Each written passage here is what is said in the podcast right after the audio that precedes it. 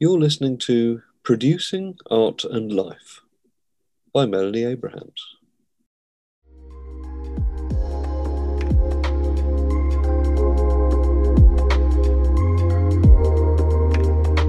This is an NAPK Start podcast in collaboration with Renaissance One.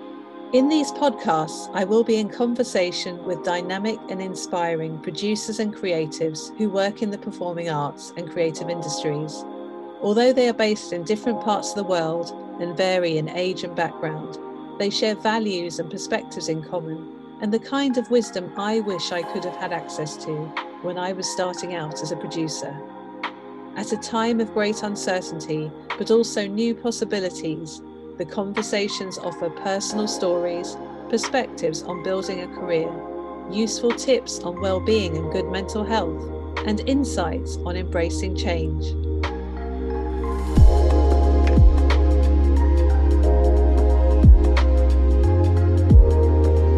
It's a real pleasure to be talking to the writer and publisher Farhana Shaikh.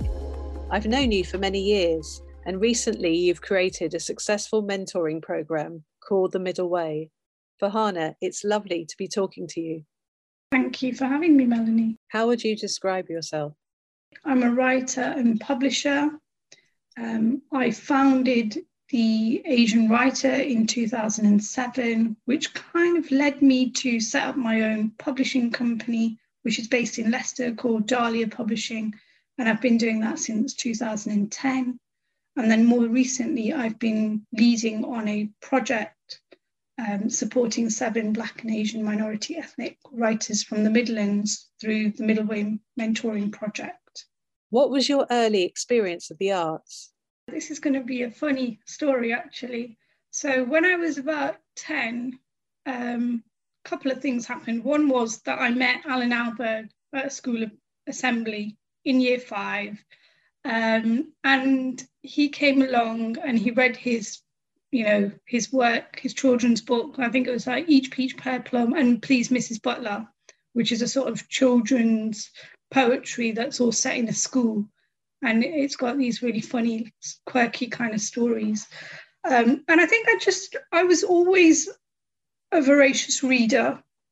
You know, my dad says like you were reading as soon as you were a baby you always had books in your hand but i think in a weird way and this is going to make me sound quite ridiculous i didn't realize that people wrote books. I hadn't quite figured out by the age of 10 that that was a job that you could do. So when allan ahlberg came into school i was like oh god i could actually do this for a job. My parents were very hardworking. My dad was a builder um, and I grew up in a very working class household in Leicester. Um, my mum was studying at the time. Um, she went, you know, she had her children and then went to university later in life. And I think that there was a sort of quiet rebellion at that point because up until that point, I've got older siblings. They were always sort of like, told go and work in the bank.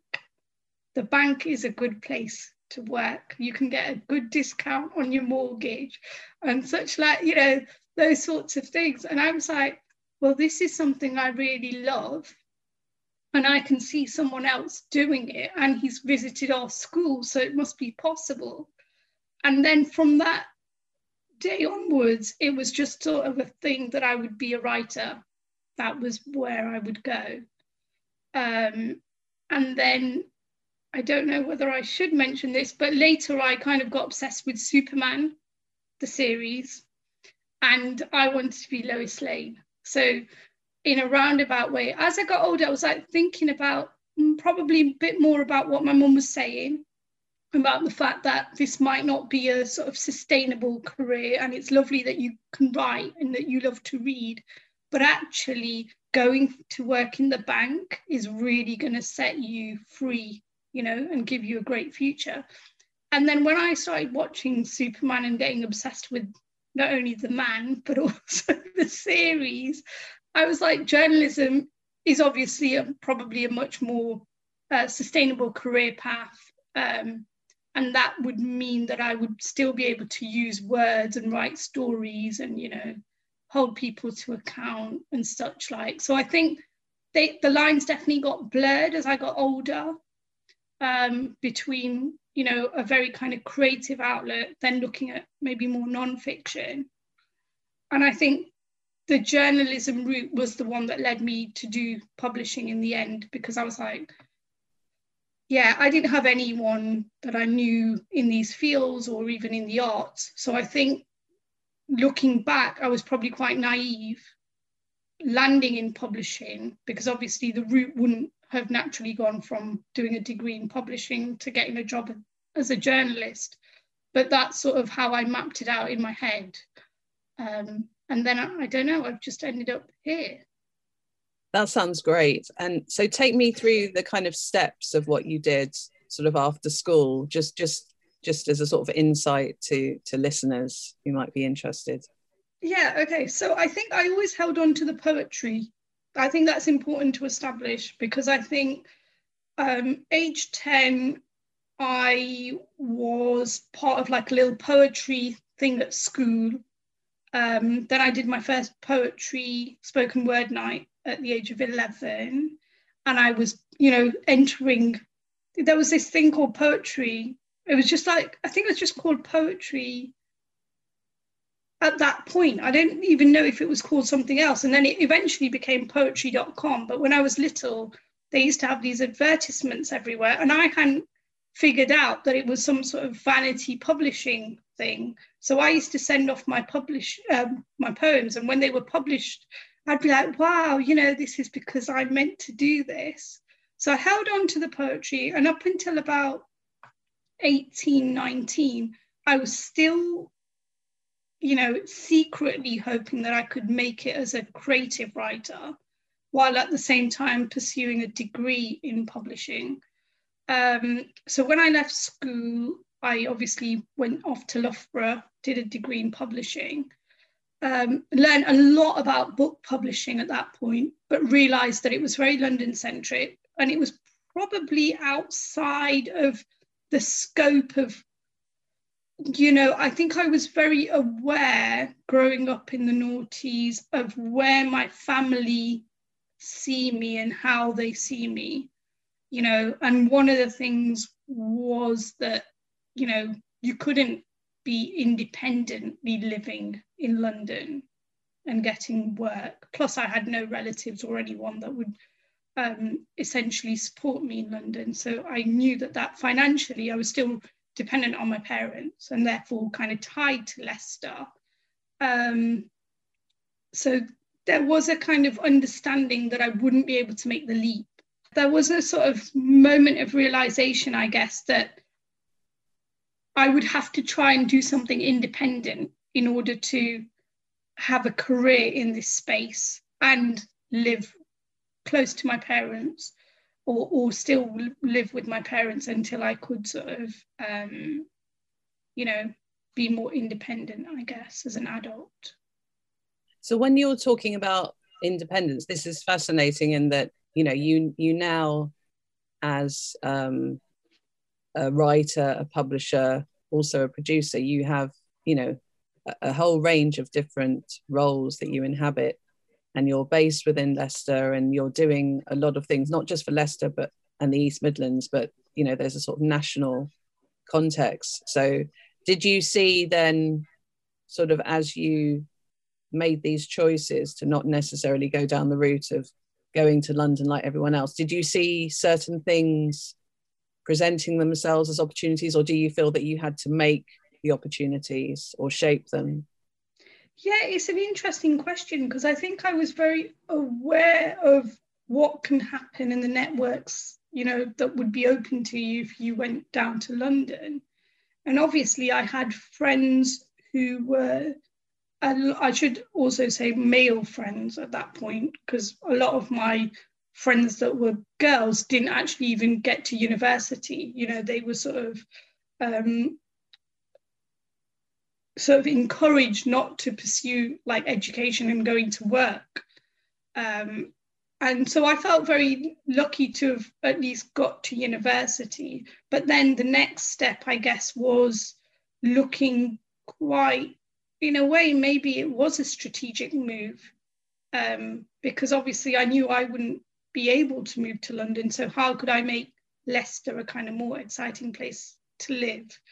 And you know, what can I do in the city, and where are the gaps? And I think when you're living in a place like Leicester, which in many ways, you know, it at that point wouldn't have had any of the limelight that it seems to enjoy today.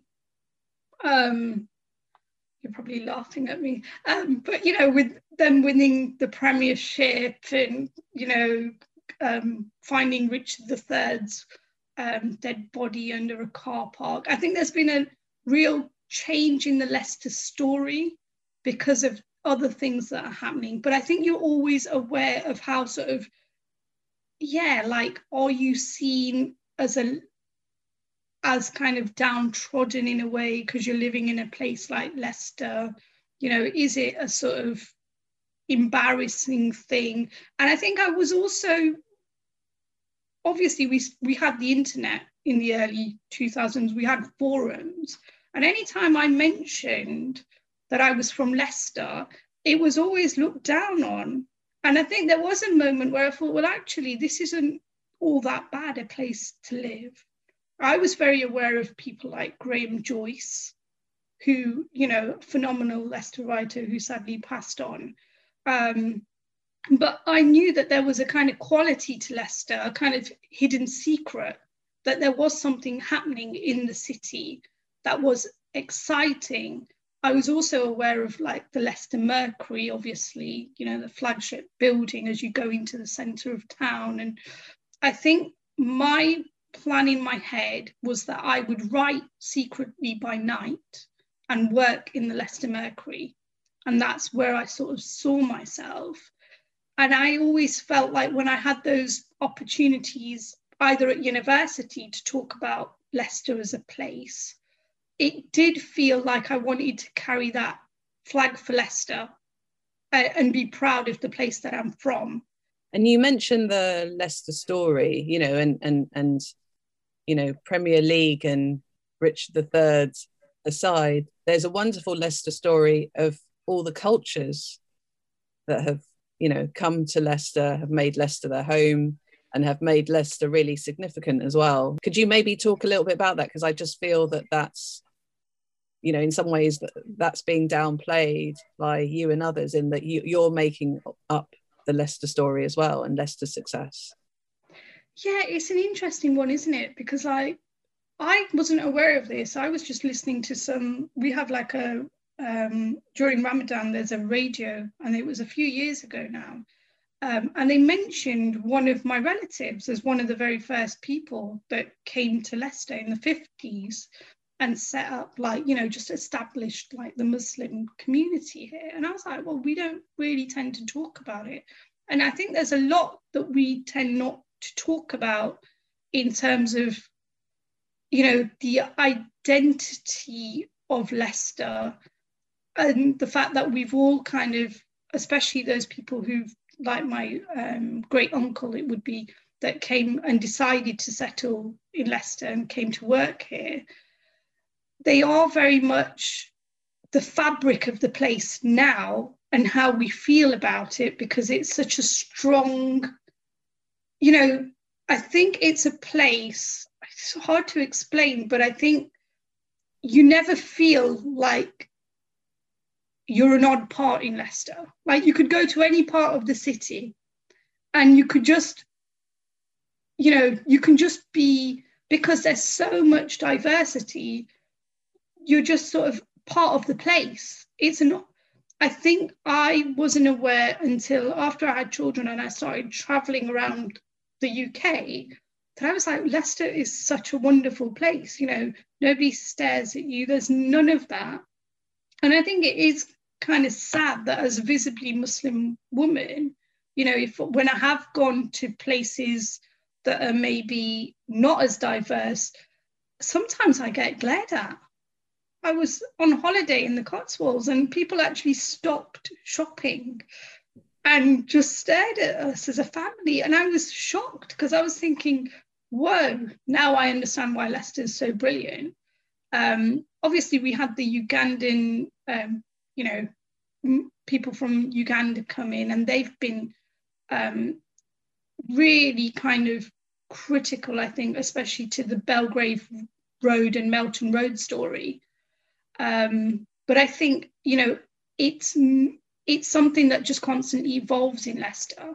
So, you know, like the Polish who have come, or the Eastern Europeans who've come more recently, they are, you know, again, the kind of place feels like it's constantly moving, which I think is exciting. And it means that we're at the cusp of like, we're not holding on to this idea of tradition or a culture in Leicester. It's something that just moves with the people. Maybe we've changed the way we see ourselves since the win and since that global spotlight has been put on us, because maybe slightly there may have been a kind of, you know, I say maybe Leicester's got a chronic self esteem issue, you know, and that just that little moment, that little having that kind of torch shone on Leicester um, in the international community because I've been on holiday and I see Vardy shirts and stuff and it's wonderful. Like people know Leicester now. It's put Leicester on the map, and you don't feel that kind of if you did that little bit of like oh you know nobody knows of us or maybe we're just sort of insignificant in a way. I guess that part is important though that that uh, when one is uh, doing things independently or sort of outside of the establishment or, or outside of the kind of gaze of being a, the kind of metropolitan city it's important to have the light shone on you every now and mm. then because otherwise you know there's this kind of aspect of how do you maintain resilience you know how do you keep going on so these kind of things are important aren't they to the the fabric of the story have you found generally that it's easy to kind of keep going on so for me, I feel it's it shouldn't be about our ability to cope with stuff that is thrown at us. Like, oh, you know, we need to build resilience when actually we need to sort the system out because it's not serving us in a way, you know.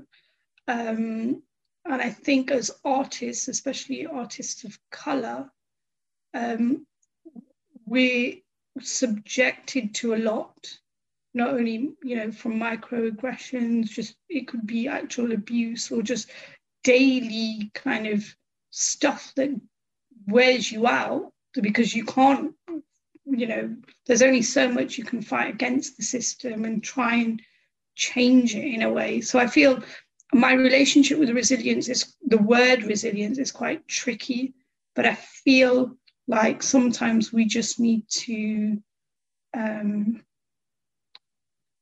yeah, just take a moment, I guess, to think about why we're doing the things we're doing. How did you become aware of the aspect of, you know, having power and agency? Was was that through your family? Was that something that you feel you've always had, or was it something you feel you've gradually come to kind of acquire? Yeah, that's a really interesting question. It is definitely something that I've reflected on recently, um, purely because, you know, we are living in a time when we are sort of, you know, the expectations of what we can do are not the same as, you know, the expectations of like my mum's generation. Um, and I think it's it's been a it's definitely something to do with the women in my family. You know, they've always worked. My grandma came over and she worked here. Um, my mum went off to university after having four children, and that felt kind of in the would it been 90s, late 90s, um, was sort of considered completely beyond anyone's comprehension in our sort of relatively small community. So I think I've always been very aware of the possibilities that we can, you know, the sort of independence that we can have as women, um, and that we can, you know, have our own career and do things. on the kind of religious side, I was very aware of the fact that our prophet has married someone who's twice his age, who was a businesswoman. Um, so I think that I think there's a sort of I've always been surrounded by really kind of women who aren't afraid to speak up, who aren't afraid to do things that they really want to um, and voice that. And also, I guess, in a way, men who don't have an issue with, you know, who don't get in the way of them doing what they want. So my dad was, you know, very supportive of the fact that I wanted to go to university. My elder sister didn't go to university, so I was the first of the, you know, girl, you know, the, the daughters to go. Um, and I never had the same challenges that I saw my friends have. And I think just stepping outside of the thing that you call yourself. So at the start of this, you introduced me as a writer and publisher. I've never really given myself a set label. And therefore, I think that's where the agency comes from. You um, set up the Middle Way mentoring scheme. Could you talk a little bit more about what was behind it? Before I set up Middle Way, I had been running the Asian Writer since 2007. So I was very aware of the conversations that I was having um, in a context of speaking with people from a specific cultural background and the challenges they were having in getting their book. Um, you know, sometimes it was just a case of having support to write the thing in the first place, right? Um, and then secondary, not really understanding or having access to networks um, that could help them take their kind of dream and make it a reality. So middle way seems to be, you know, be the intervention for early career writers to have the opportunity to develop their craft.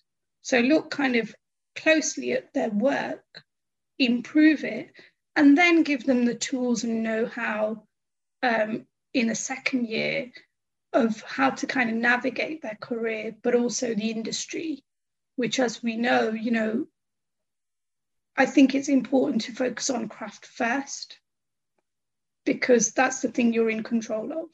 You're not in control of anything else. And and now um, you're looking to expand it further.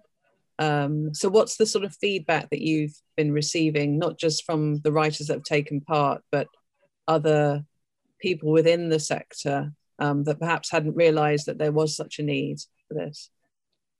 Yeah, I think it's I think the writers have found it completely transformative, uh, life changing in the sense that, yeah, maybe they see themselves as writers now, whereas maybe they were sort of dabblers or they were kind of thinking about writing a novel. We've definitely seen progress in terms of each writer's journey, and there have been seven, and they kind of come from different diverse so right, you know, they're not writing specifically one thing. They're writing a novel, a couple of writing novels, right, a couple of me- writing memoirs, and two are writing short stories. So I think um, there's definitely been a sense of um, there's progression and growth for those writers. Two years on, they're definitely not the same people. I don't think that they were. They formed a kind of really bonded as a cohort and they call themselves a writing family and support one another now that the scheme has come to an end, which I think is important because sometimes we don't have this feeling of do I really belong in a writing space? Sometimes those mainstream writing spaces can really actually feel alienating to people from uh, diverse backgrounds, I think, because we sometimes have to over explain our work or what we're trying to do with our writing in a way that just doesn't happen when you have people from different cultural backgrounds um, or that shift you know that shift isn't like you're not centering on white voices or you know um, so i think that's always been an important thing for middle way and I think there is an acknowledgement. I think it's come quite late in industry and the wider sector that something that is led from a grassroots level will just have a different impact before we even sort of think about um, any kind of output.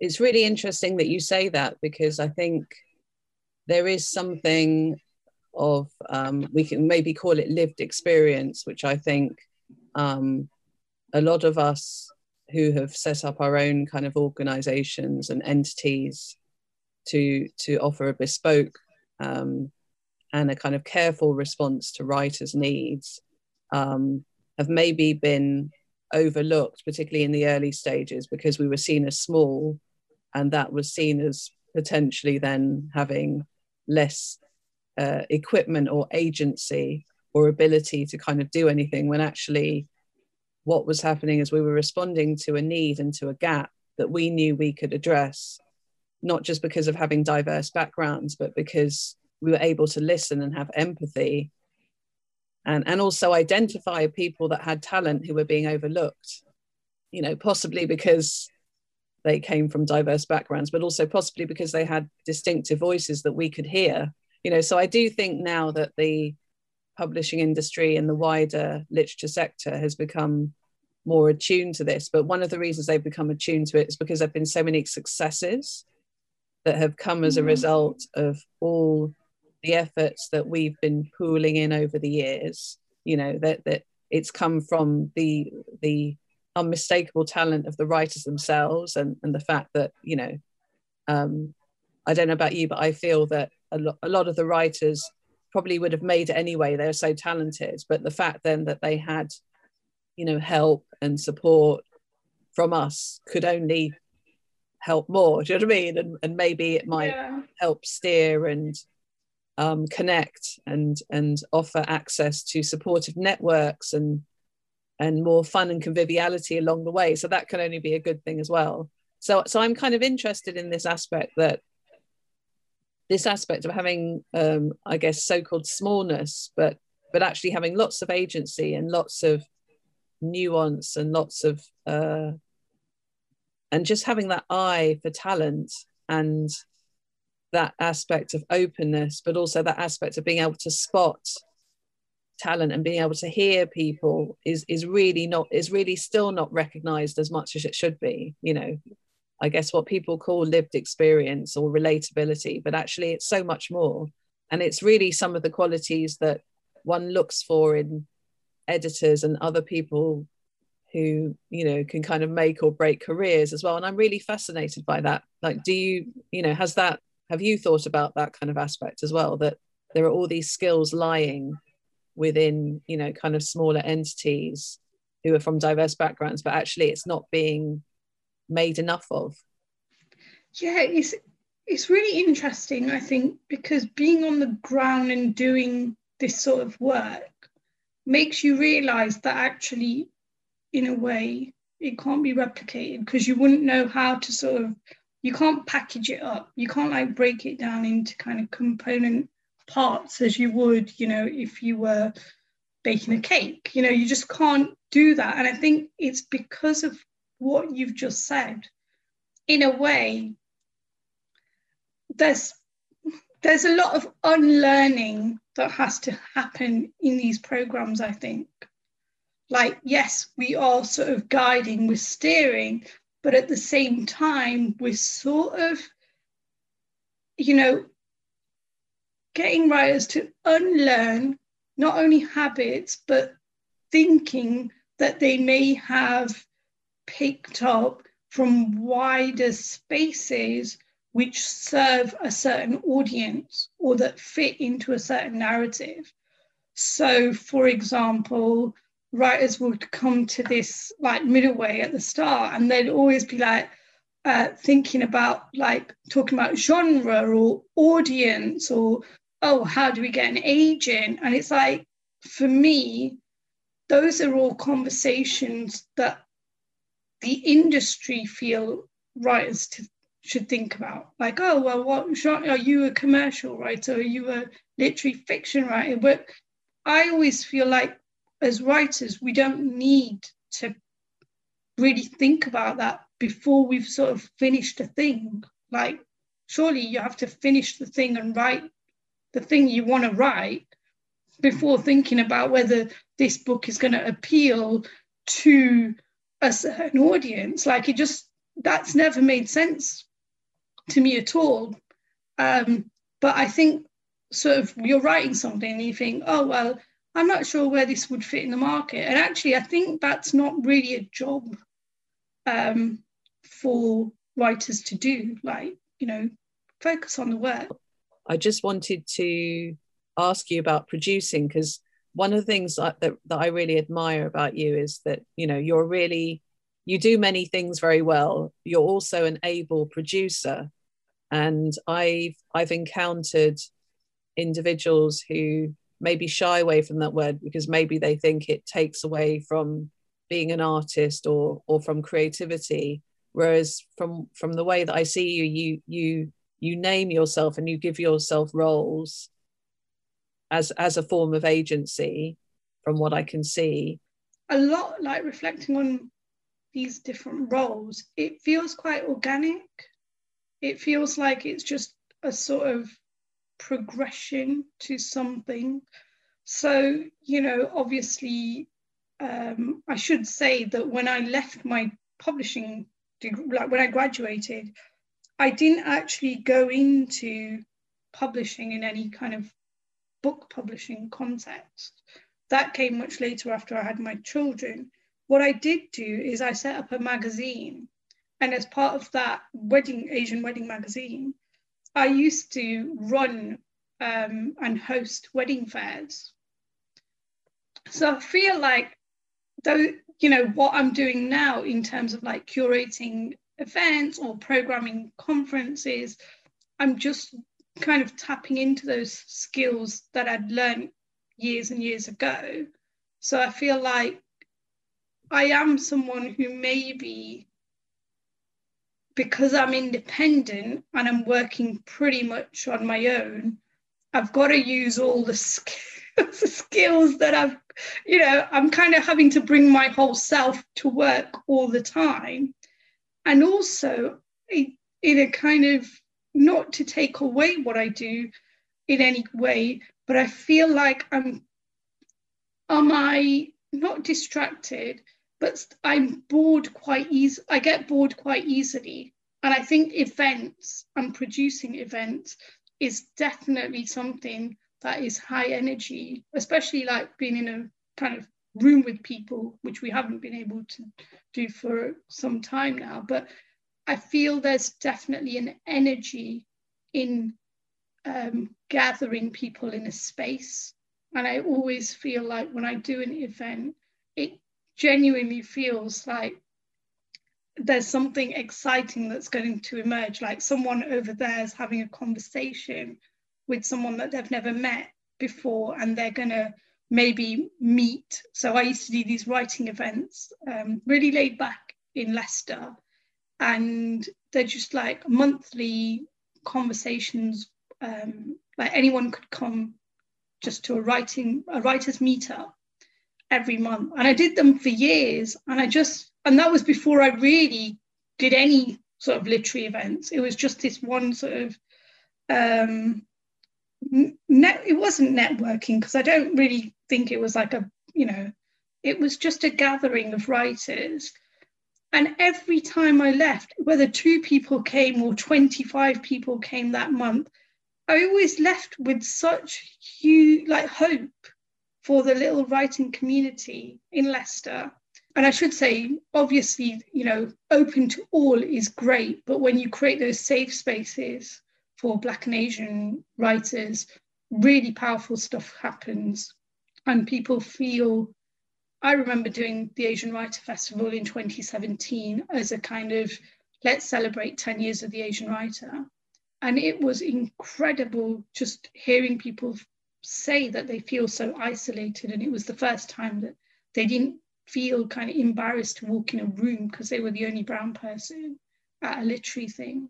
So I feel like really we need more there needs to be definitely more visibility for Black and Asian writers at mainstream literary festivals.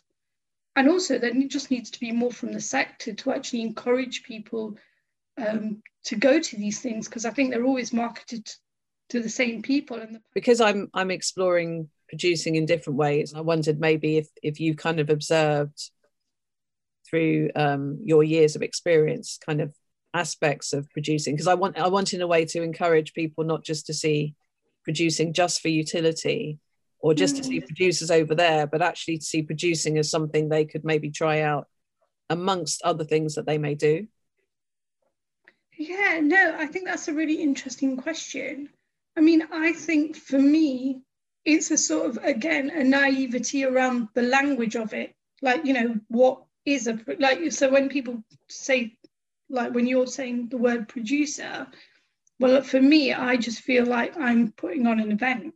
Like, you know, I haven't got that kind of, you know, I haven't adopted the terminology at this point.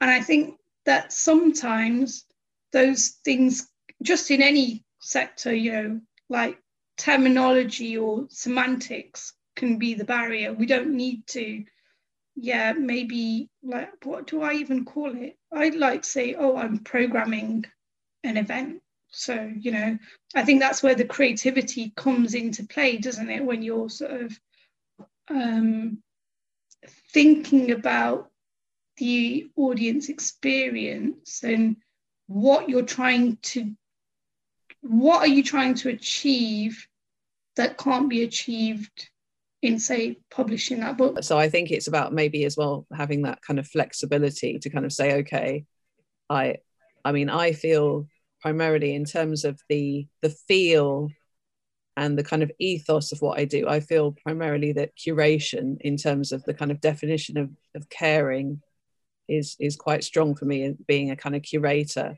And actually i'd say it's more dominant than being a producer even though i've been a producer more years.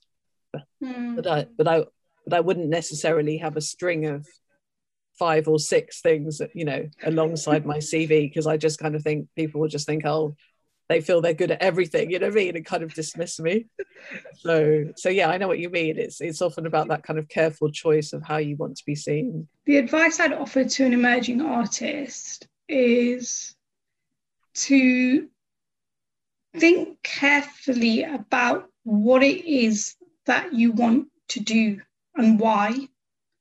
I think that's really important because having a kind of why, you know, will help not only keep you motivated to do the thing, but actually free up the possibilities to change tack. Um, I think people don't often talk about the failures, and we don't hear often enough about the failings, but I think everyone has them um, even the successful people or the people who look like they're successful.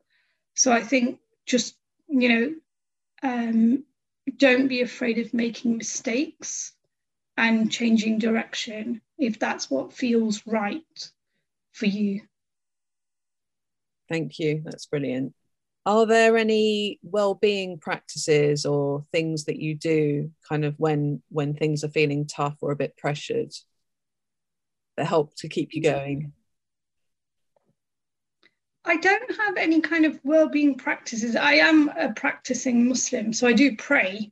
Um, more recently, I've tried meditation, but I'm not very good at it. But I think what works for me is sleep. I know that sounds really odd, but I I really do love my sleep. Like I find if I get sort of um, I know when the stress is building and it's because I'm kind of either losing sleep. So I think we all have our kind of, um, we know when we're hitting that kind of pressure point. Um, and I feel like, yeah, going to bed at 8.30 is the best thing ever. For me anyway, it works. That's a great piece of advice, yeah. I hope you enjoyed this podcast and look out for more conversations in the series. Are you keen to access further information, support, and inspiration? Take a look at www.napkstart.nl, where you will have free access to a variety of workshops, presentations, talks, podcasts, masterminds, and more.